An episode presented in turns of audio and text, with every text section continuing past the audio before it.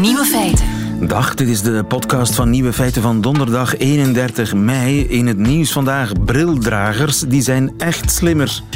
Aan de Unie van Edinburgh in Schotland zijn de genen bekeken van meer dan 300.000 mensen.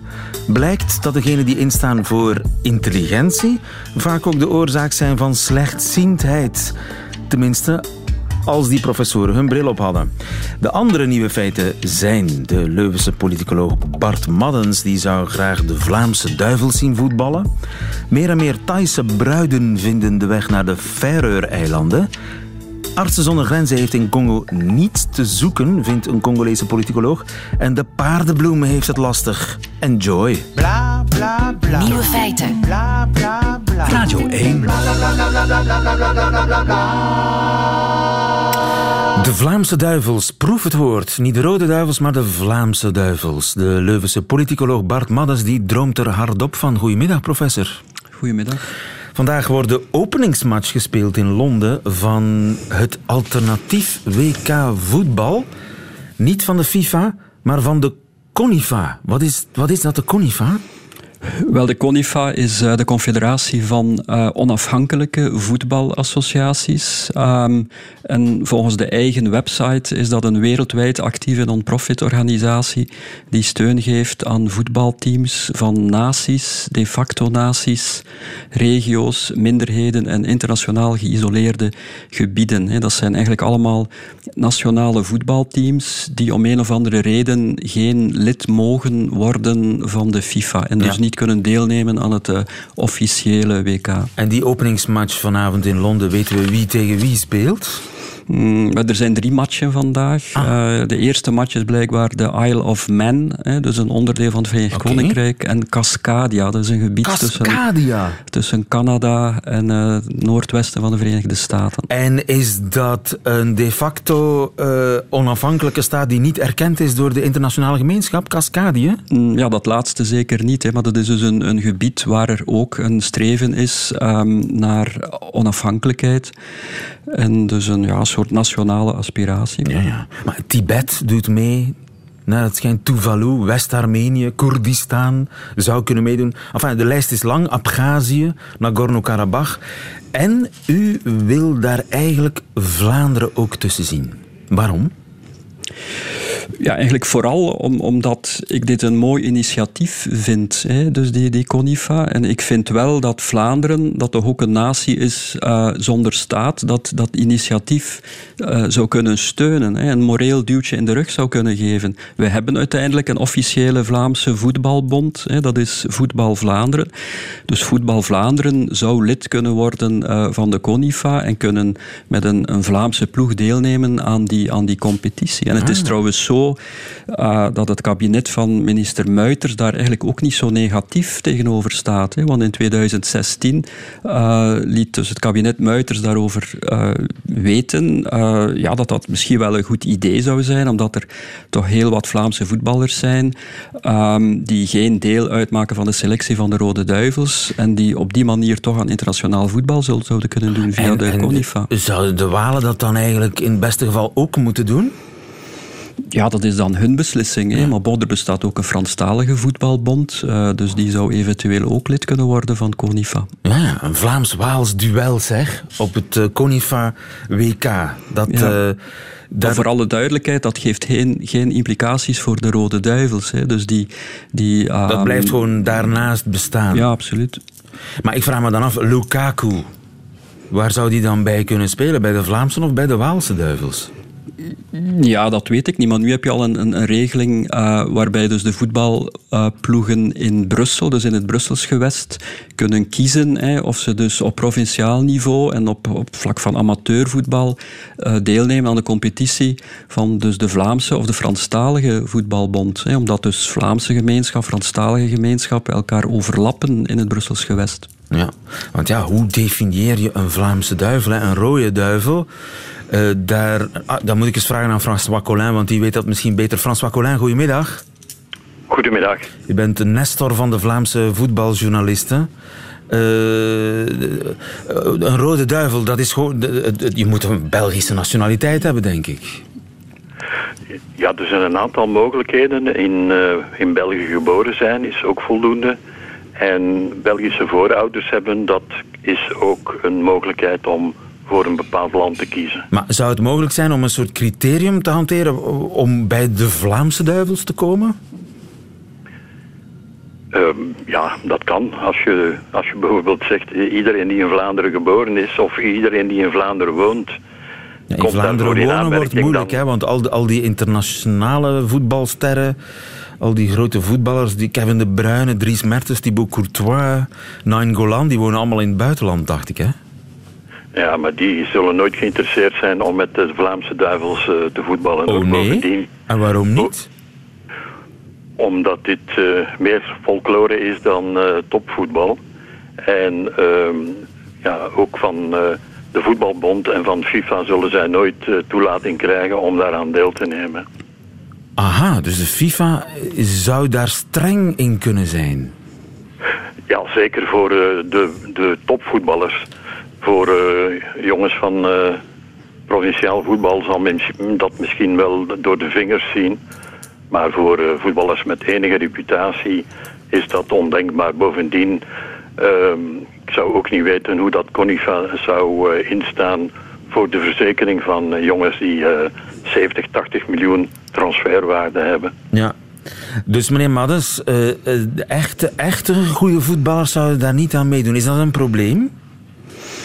Nee, ik denk het niet, om, omdat ik dat inderdaad zie als iets voornamelijk symbolisch. Hè. En eigenlijk ook de hele CONIFA-competitie is ook precies daarom zo significant, vind ik. Omdat het aantoont ja, dat er in de wereld heel veel gebieden zijn, heel veel minderheden zijn, die eigenlijk uit de boot vallen in al die officiële sportorganisaties. En die dus toch dankzij CONIFA internationaal eh, aan, aan, aan voetbal kunnen doen.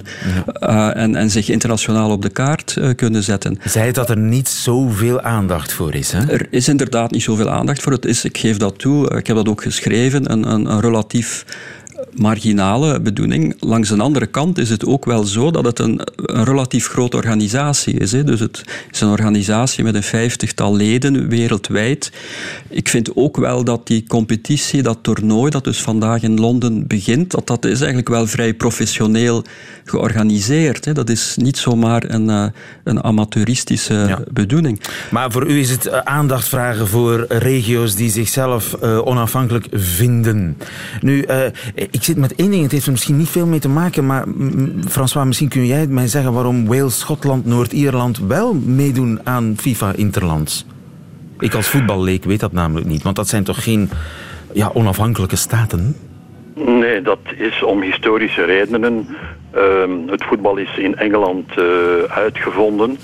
En nog voor FIFA werd opgericht speelden eh, Noord-Ierland, Wales, eh, Schotland en Engeland al interlandvoetbal tegen elkaar. En een van de voorwaarden eh, voor de Engelsen en de zogenaamde home nations om bij FIFA aan te sluiten was dat zij apart konden blijven voetballen. Ja, ja, dus dat is eigenlijk een historisch gegroeid iets. Daar moeten wij niet op rekenen als Vlamingen om daartussen te gaan zitten. Nu, eh, louter denkoefening. Hoe zit het eigenlijk met de Vlaams-Waalse verhoudingen bij de Rode Duivels? Wie speelt het best? Dat is eh, heel moeilijk te zeggen. Ik denk dat dat ongeveer, als je zou kijken naar, naar de taal, dat dat ongeveer de helft Vlamingen en de helft Franstaligen zijn. Dus als, als dat zou gebeuren, dan is het niet helemaal zeker wie wint. Eh, maar, eh, en meneer Colin, zou u dat eigenlijk genegen zijn, dat idee van die Vlaamse duivels, los van alle praktische bezwaren? Ja, het, het stoort mij helemaal niet, maar het, het is natuurlijk eh, ja, als voetbalvolger niet, niet ernstig te nemen. Bovendien, waarom zouden we als Vlaanderen spelen? Waarom niet te Kempen? Ja, meneer Maddes, waarom niet te campen? Ik denk dat er toch een Vlaams identiteitsgevoel bestaat. Dat je kunt zeggen om allerlei historische redenen eh, dat, dat Vlaanderen een natie is. Ehm, trouwens met een heleboel eigen bevoegdheden, met, met eigen instellingen. Eh, dus dan lijkt het mij inderdaad toch logisch dat, dat Vlaanderen deel zou nemen aan die, eh, aan die CONIFA-competitie. Of Limburg? Dat is toch zoiets als het Limburg-gevoel, dacht ik, hè? Ja, dat klopt. Nu, het is wel zo, als je naar die ledenlijst kijkt van, van, van CONIFA, dat is een heel heterogeen gezelschap. Hè. Dus daar zitten inderdaad duidelijke naties bij. Daar zitten eigenlijk ook veel de facto staten bij, die al feitelijk functioneren als onafhankelijke staat. Maar daar zitten ook veel uh, gebieden bij, zoals bijvoorbeeld Cascadia, waarover we het daar straks hadden, waarvan ja. je kunt, inderdaad kunt afvragen van, is dat nu een beetje bij de, bij de haren getrokken? Dus dat is zeker zo. Maar dit heb ik in elk geval geleerd. Cascadia bestaat, daar ga ik meteen eens opzoeken. Dankjewel François Collin. Dankjewel ook eh, professor Bart Maddens in Leuven voor ons. Goedemiddag. Nieuwe feiten. Met man en macht wordt geprobeerd om de nieuwe ebola-uitbraak in Congo te stoppen. Artsen zonder Grenzen, het Rode Kruis en de Wereldorganisatie, de Wereldgezondheidsorganisatie, die zijn daar volop mee bezig met vaccinaties en behandelingen van patiënten. Tot ongenoegen van de Congolese schrijver en politicoloog Kiza Magandane. Goedemiddag, meneer Magandane. Goedemiddag, eh, bedankt eh, mij hier te hebben. Jij ziet die vaccinaties met leden ogen aan. Hoe kan dat? Ja, het is uh, spelen met het kwaad. Hè? Uh, op dit moment zou de Congolese overheid zelf in staat moeten zijn om uh, voor eigen mensen te zorgen, maar dat is helaas niet het geval. Want uh, het blijkt, en net zoals we in West-Afrika drie jaar geleden hebben gezien, dat de interventie van westerse NGO's, je hebt al een paar al genoemd, Artsen zonder Grenzen, noodzakelijk zijn om uh, eigen bevolking uh, te helpen. En dat is een hele kwalijke zaak. Afrika is verslaafd aan Artsen zonder Grenzen en aan het Rode Kruis en aan de Wereldgezondheidsorganisatie, aan westerse hulp. Ja, er zijn verslaving aan humaniteit. Er was uh, recentelijk zelfs een akkefietje tussen de Congolese overheid en de Belgische overheid. En daarin spelen NGO's een hele belangrijke rol. En wat je dan ziet is dat NGO's nemen belangrijke overheidstaken over. Daardoor is de overheid niet verantwoordelijk om op te komen voor eigen bevolking. En dat is heel kwalijk, omdat je daarmee niet ten verantwoording geroepen kan worden. Uh, als, als je je, ta, je afspraak niet nakomt, omdat er is altijd een van de andere NGO's die toch gaat vervullen wat je al zou moeten doen. En zo houden hulp Afrikaanse landen in de greep. Dus hulp helpt niet?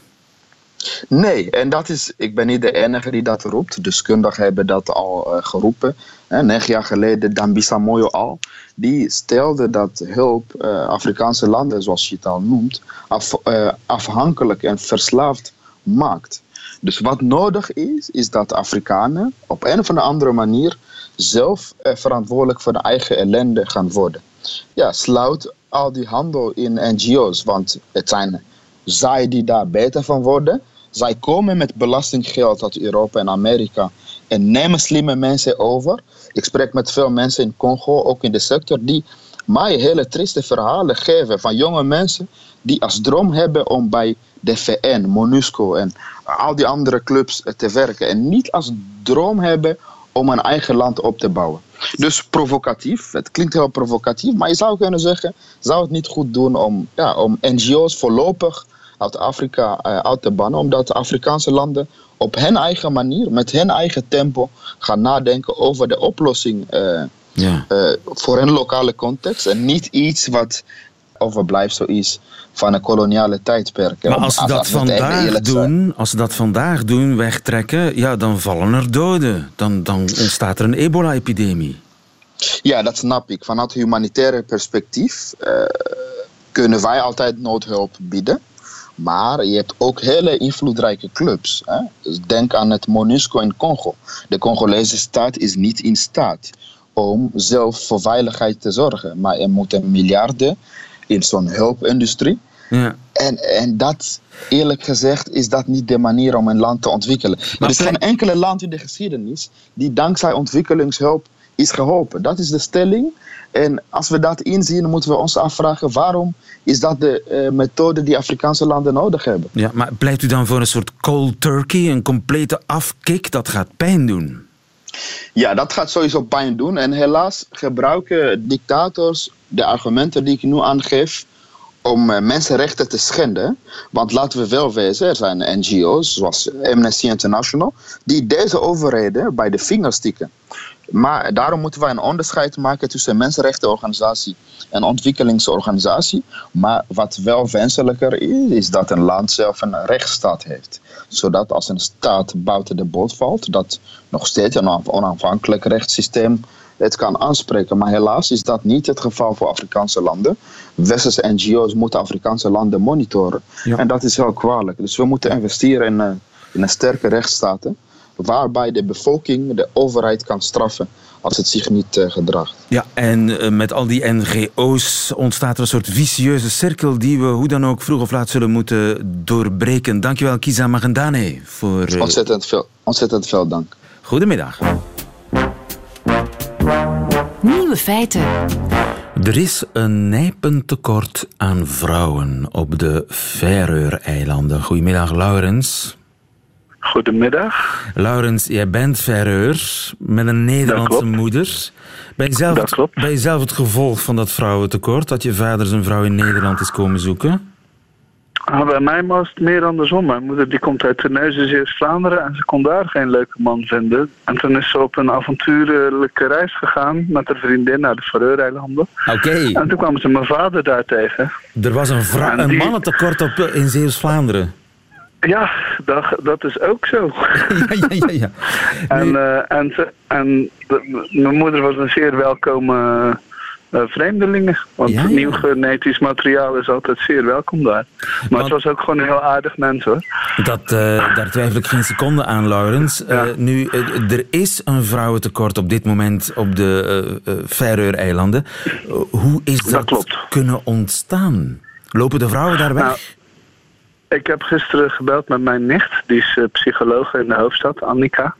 En dus zij vertelde mij dat eh, vele eh, vrouwen die trekken weg naar het vasteland, naar Denemarken, om daar een hogere opleiding te volgen. En die komen dan vervolgens niet meer terug. En eh, die vinden vaak die een- mannen dan? een, en daar zitten die mannen dan. en ehm, wat je vaak ziet in, is in de kleine dorpjes eh, zitten vaak eh, ja, toch eenzame, eh, redelijk welgestelde boeren. Met heel veel schapen en heel veel land. maar geen vrouw. hebben maar geen vrouw. En het is nogal een klus om een vrouw te vinden in de Faroe-eilanden. Ja. Want ja, dan moet je naar de hoofdstad en in de kleine dorpjes is het duggels uit. Dus ja, dan, dan is het natuurlijk eh, best makkelijk om, om eh, bijvoorbeeld eens naar Thailand te kijken. En veel jonge mannen die zoeken een bruid in het Verre Oosten. I met him on internet Thai Cupid. Actually, the man where they are from, you can uh, put it on the internet and the age, and then I search for Denmark because I have my cousin living in Germany. I search Denmark and he come up. Then I talk to him for six months to make sure that everything gonna be okay before we meet.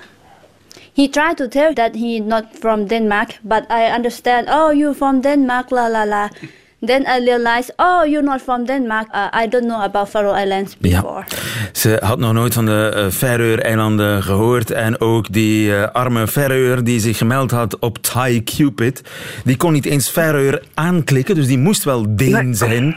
Op, uh, want klopt. officieel is, behoort uh, Faroe-eilanden, hoewel ze eigenlijk ergens tussen Noorwegen en IJsland in liggen, uh, officieel horen ze tot het Koninkrijk Denemarken. Nu, dat moet Dat klopt.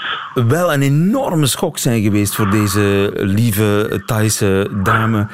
Als ze daar uh, ja, in, het, in het lege Faroe terechtkomt. Ja, ik heb het hele interview afgeluisterd. Het ligt wel iets genuanceerder dan dat. Want het is natuurlijk een behoorlijke cultuurshock als je natuurlijk bij een, uh, bij een gezonde boerenzoon uh, in een dorpje met maar uh, 100 mensen komt. Aan de andere kant, ja, de levensstandaard is er fantastisch hoog. Het is er prachtig toeven.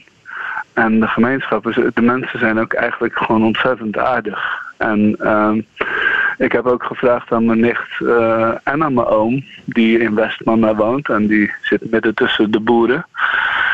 En hij zegt dat uh, sommige mensen passen zich uh, goed aan. Er zijn uh, plannen van de regering om, uh, om mensen goed te laten integreren. Ja, de taal alleen al is niet makkelijk. Hè? Dat is een soort oud-Noors. De taal is oud-Noors inderdaad. En eh, ja, kijk hoe mijn moeder het toen geleerd heeft. Zij kwam gelijk in een groot gezin terecht met ook allemaal kleine kinderen.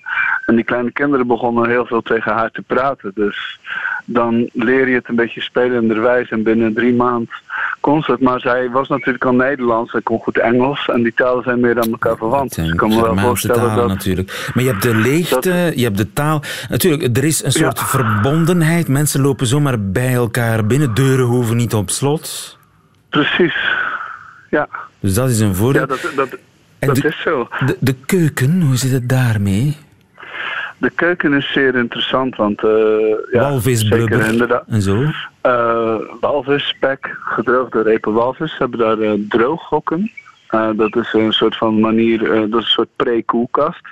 Dus ze hangen vissen en schapen, bouten, hangen ze te droog in de zilte zeelucht. En dan rot dan een beetje, maar het blijft toch goed.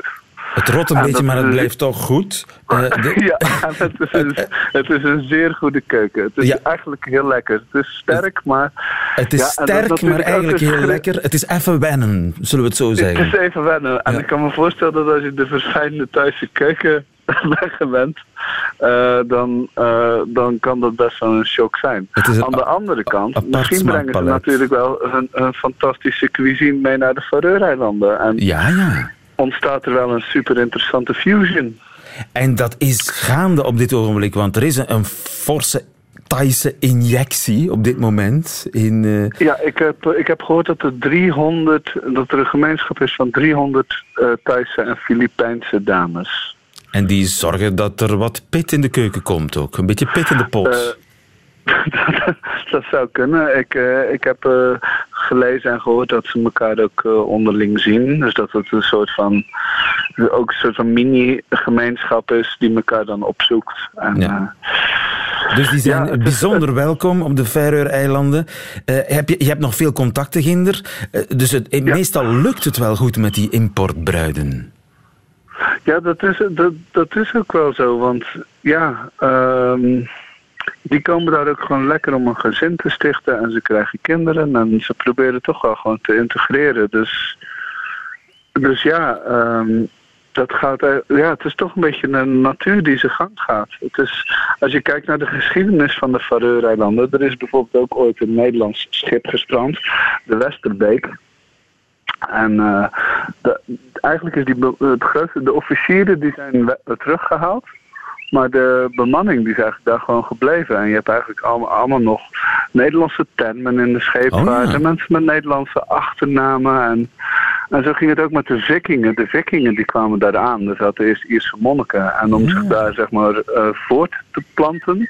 gingen ze even op rooftocht langs Schotland en Ierland. Om vrouwen. En ja, daar zijn wij een beetje uit ontstaan. Ja, Want en, ja, en jij zelf ook. Dus de, ja de want met schapen gaat het moeilijk. Met sch- en on this bombshell zullen we dit gesprek maar afronden. Ik dank je wel, Laurens. Goedemiddag. Tot ziens. Dag. Nieuwe feiten. Er is geen bloem zo banaal gewoon als de paardenbloem, zou ik denken. En toch is ze bedreigd. Dag Karst. Ja, goedemiddag. Karst Meijer van het Herbarium Frisicum, zeg ik dat goed? Helemaal correct, ja. In Fysicum te Wolvenga in, eh, in Friesland. Een van de grootste privécollecties gedroogde planten en bloemen van Europa. En jij bent met name gespecialiseerd in de paardenbloem. Heb ik even niet goed opgelet, want paardenbloemen zijn die stiekem verdwenen uit onze malse weiden? Nou, dat is wel eh, eh, juist, want eh, als ik dat zie hier in Nederland, dan is in de, in de laatste 20, 25 jaar ongeveer zo'n 80% van de paardenbloemen verdwenen uit de weilanden. 80 procent. 80%, ja. En En dat zal ongetwijfeld in België ook, ook zo zijn. Want ja, het, het komt allemaal door het beheer en ontwatering en, en, en, en het maaibeheer. Dus eh, we zijn heel veel soorten kwijt. heel veel soorten. Er zijn heel veel. so- Een paardenbloem is geen paardenbloem. Nee, er zijn verschillende soorten in, in, in- over de wereld. Over de wereld zijn er meer dan 4000 soorten. En in, in, in, in Nederland tot nu toe bijna 300 soorten vastgesteld. Maar er zullen ongetwijfeld wel meer dan 1000 soorten zijn. Want ja, als je in je eentje uh, paardenbloemen gaat bestuderen, dan, dan, is het tempo niet zo groot om, om die nieuwe soorten te kunnen vaststellen. Is er veel verschil tussen de ene en de andere paardenbloem? Ja, er is ontzettend veel verschil. De enige verschil is, ze bloeien allemaal geel. Op een paar soorten na. Hier in Nederland komt in de duinen een soort voor, die bloeit een beetje oranje-geel. Maar voor de rest zie je dan aan de blad aan, aan de verschillende soorten bladen, ingesneden, niet ingesneden, gelopt, niet gelopt. En ook aan de onwinsterblaadjes, dat is een, een, een, zeg maar een krans van kelkblaadjes onder de bloem. Die, de stand daarvan bepaalt ook de soort. Hoe erg is dat nu dat die verschillende soorten verdwijnen en dat ook het aantal paardenbloemen uh, langzaam maar zeker uh, zakt? Nou kijk, de paardenbloemen zijn in het voorjaar eigenlijk de dragers van de biodiversiteit. Uh, ze bloeien in april en, en, mei en dat is juist een periode waarbij dus de insecten op die paardenbloemen komen. Maar doordat die soorten ook specialisten kunnen zijn in bepaalde gebieden, geven ze dus ook, ook aan in wat voor bijzondere habitats ze staan. Het is een onderschatte bloem, de paardenbloem. Inderdaad. Het is altijd het stiefkind van de, van de flora geweest. En uh, men dacht, ach, een paardenbloem is een paardenbloem, daar kijken we verder niet meer naar. Totdat die ineens bijna verdwenen is. En hoe komt het nu dat die bijna verdwenen is? Is dat, eh, je zegt maaibeleid, is dat dan zoveel anders dan vroeger? Ja, ja er, wordt, er zijn weilanden die worden soms wel acht keer gemaaid en, en, en, en zwaar bemest. En weilanden worden doodgespoten, waarbij je dus alles doodspuit. Waarbij je dus ook die hele biodiversiteit in die weilanden kwijt, kwijt bent. En men gebruikt andere grassoorten, allemaal die rhodium perenne, allemaal die rijgras. En dat is voor die paardenbloem niet erg geschikt. Want je moet voorstellen dat in de jaren 60 had je bijvoorbeeld in een weiland nog ruim van 60, 70 soorten. En dat is nu helemaal geminimaliseerd tot misschien één of twee soorten en dat is het dan. Dus je bent een hele, hele groep van, van uh, soorten ben je kwijt. En die ben je echt voor goed kwijt. Hè? Dus die, bio, die biodiversiteit ben je echt kwijt. En is het nog te redden? Alles is te redden. Maar ja, bepaalde soorten, als die echt weg zijn... en er is geen zaadbank voor gemaakt, dan ben je hem echt kwijt. Ja. We zijn al paardenbloemen eh, definitief kwijt... die niet in een zaadbank zitten. Er zijn heel veel soorten kwijt. Omdat er ook jarenlang niet geen aandacht aan geschonken is, zijn we inderdaad die soorten kwijt. Maar er worden ook nog wel weer nieuwe soorten gevonden, uit gelukkig. Ook over de hele wereld. Ik heb kort geleden nog contact gehad met, met, met Juri Witmet van, van Almere Jungle. Die heeft toch een soort gevonden, nieuwe soort gevonden in Costa Rica op een bepaalde hoogte. Dus er is altijd nog wel, men vindt altijd nog wel weer nieuwe soorten. Ja, er is een soort paardenbloemgemeenschap wereldwijd. Inderdaad. Ja, ja. Wat ik al zei, er komen 4000 soorten voor, naar schatting. Dus, en die staan allemaal, er zijn, zijn heel veel, zitten heel veel specialisten onder, die paardenbloemen. Die dus gewoon ergens maar wat ergens staan in een bepaald gebied wat een bijzonder habitat kan zijn. Ja, het is een vergeten drama, eh, het verdwijnen van de vele soorten paardenbloemen en het verdwijnen van de paardenbloem misschien zelfs op zich. En daar moet dringend meer aandacht uh, voor komen. Dankjewel, Karst Meijer in eh, Friesland voor ons. Goedemiddag. Ja, dag, goedemiddag. Wat zijn de nieuwe feiten in het leven van Linda Duits, de vrouw die deze week het middagjournaal bijhoudt voor nieuwe feiten vanuit Amsterdam? Nieuwe feiten. Middagjournaal. Gisteren vertelde ik in mijn middagjournaal over mijn docent Latijn. Als tweede klasser die boven alles geen nerd wilde lijken, had ik hem gesmeekt mij geen 10 op het rapport te geven, maar een 9. Ik stuurde de column naar de redacteur van Nieuwe Feiten. Hij reageerde nog dat hij hem leuk vond en dat was dat. Smiddags werd de terugbeluisterlink op Twitter gezet. De kop was: Ik vroeg mijn leerkracht om mij te buizen. Ik twitterde de link door en schreef erbij: Geen idee wat buizen is, maar het is een leuk verhaal. Direct reageerde Sander Spek, een al jaren in België woonachtige Nederlander. Hij wees me erop dat punten in België tot 20 gaan, waarbij een 10 nog een voldoende is en een 9 een onvoldoende, een buis. Oh, wacht eens even. Ik had mijn docenten helemaal niet gevraagd me te laten zakken. Zo gek ben ik nu ook weer niet. Ik was ook helemaal niet middelmatig of zelfs slecht in Latijn. Ik was er juist ontzettend goed in. Mijn verhaal had dankzij de cijferverwarring een heel andere draai gekregen. En nu stond er voor eeuwig op de interwebs dat ik Latijn had gebuist. Wat als geen stijl het zou oppikken.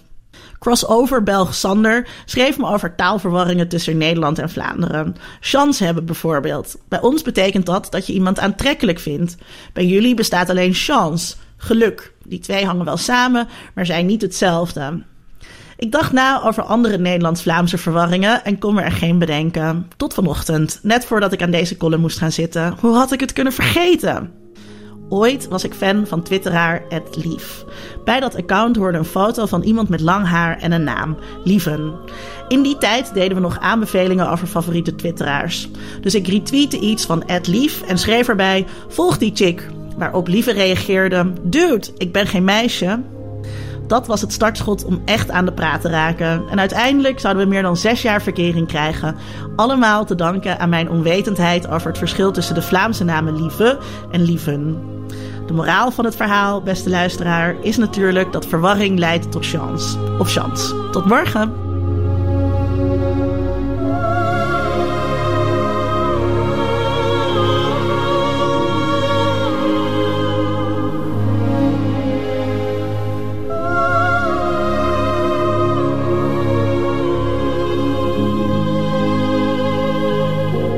Middagjournaal met Linda Duits. Meteen het einde van deze podcast van Nieuwe Feiten. U vindt er nog veel meer op radio1.be en op de gebruikelijke podcastkanalen. Tot de volgende keer.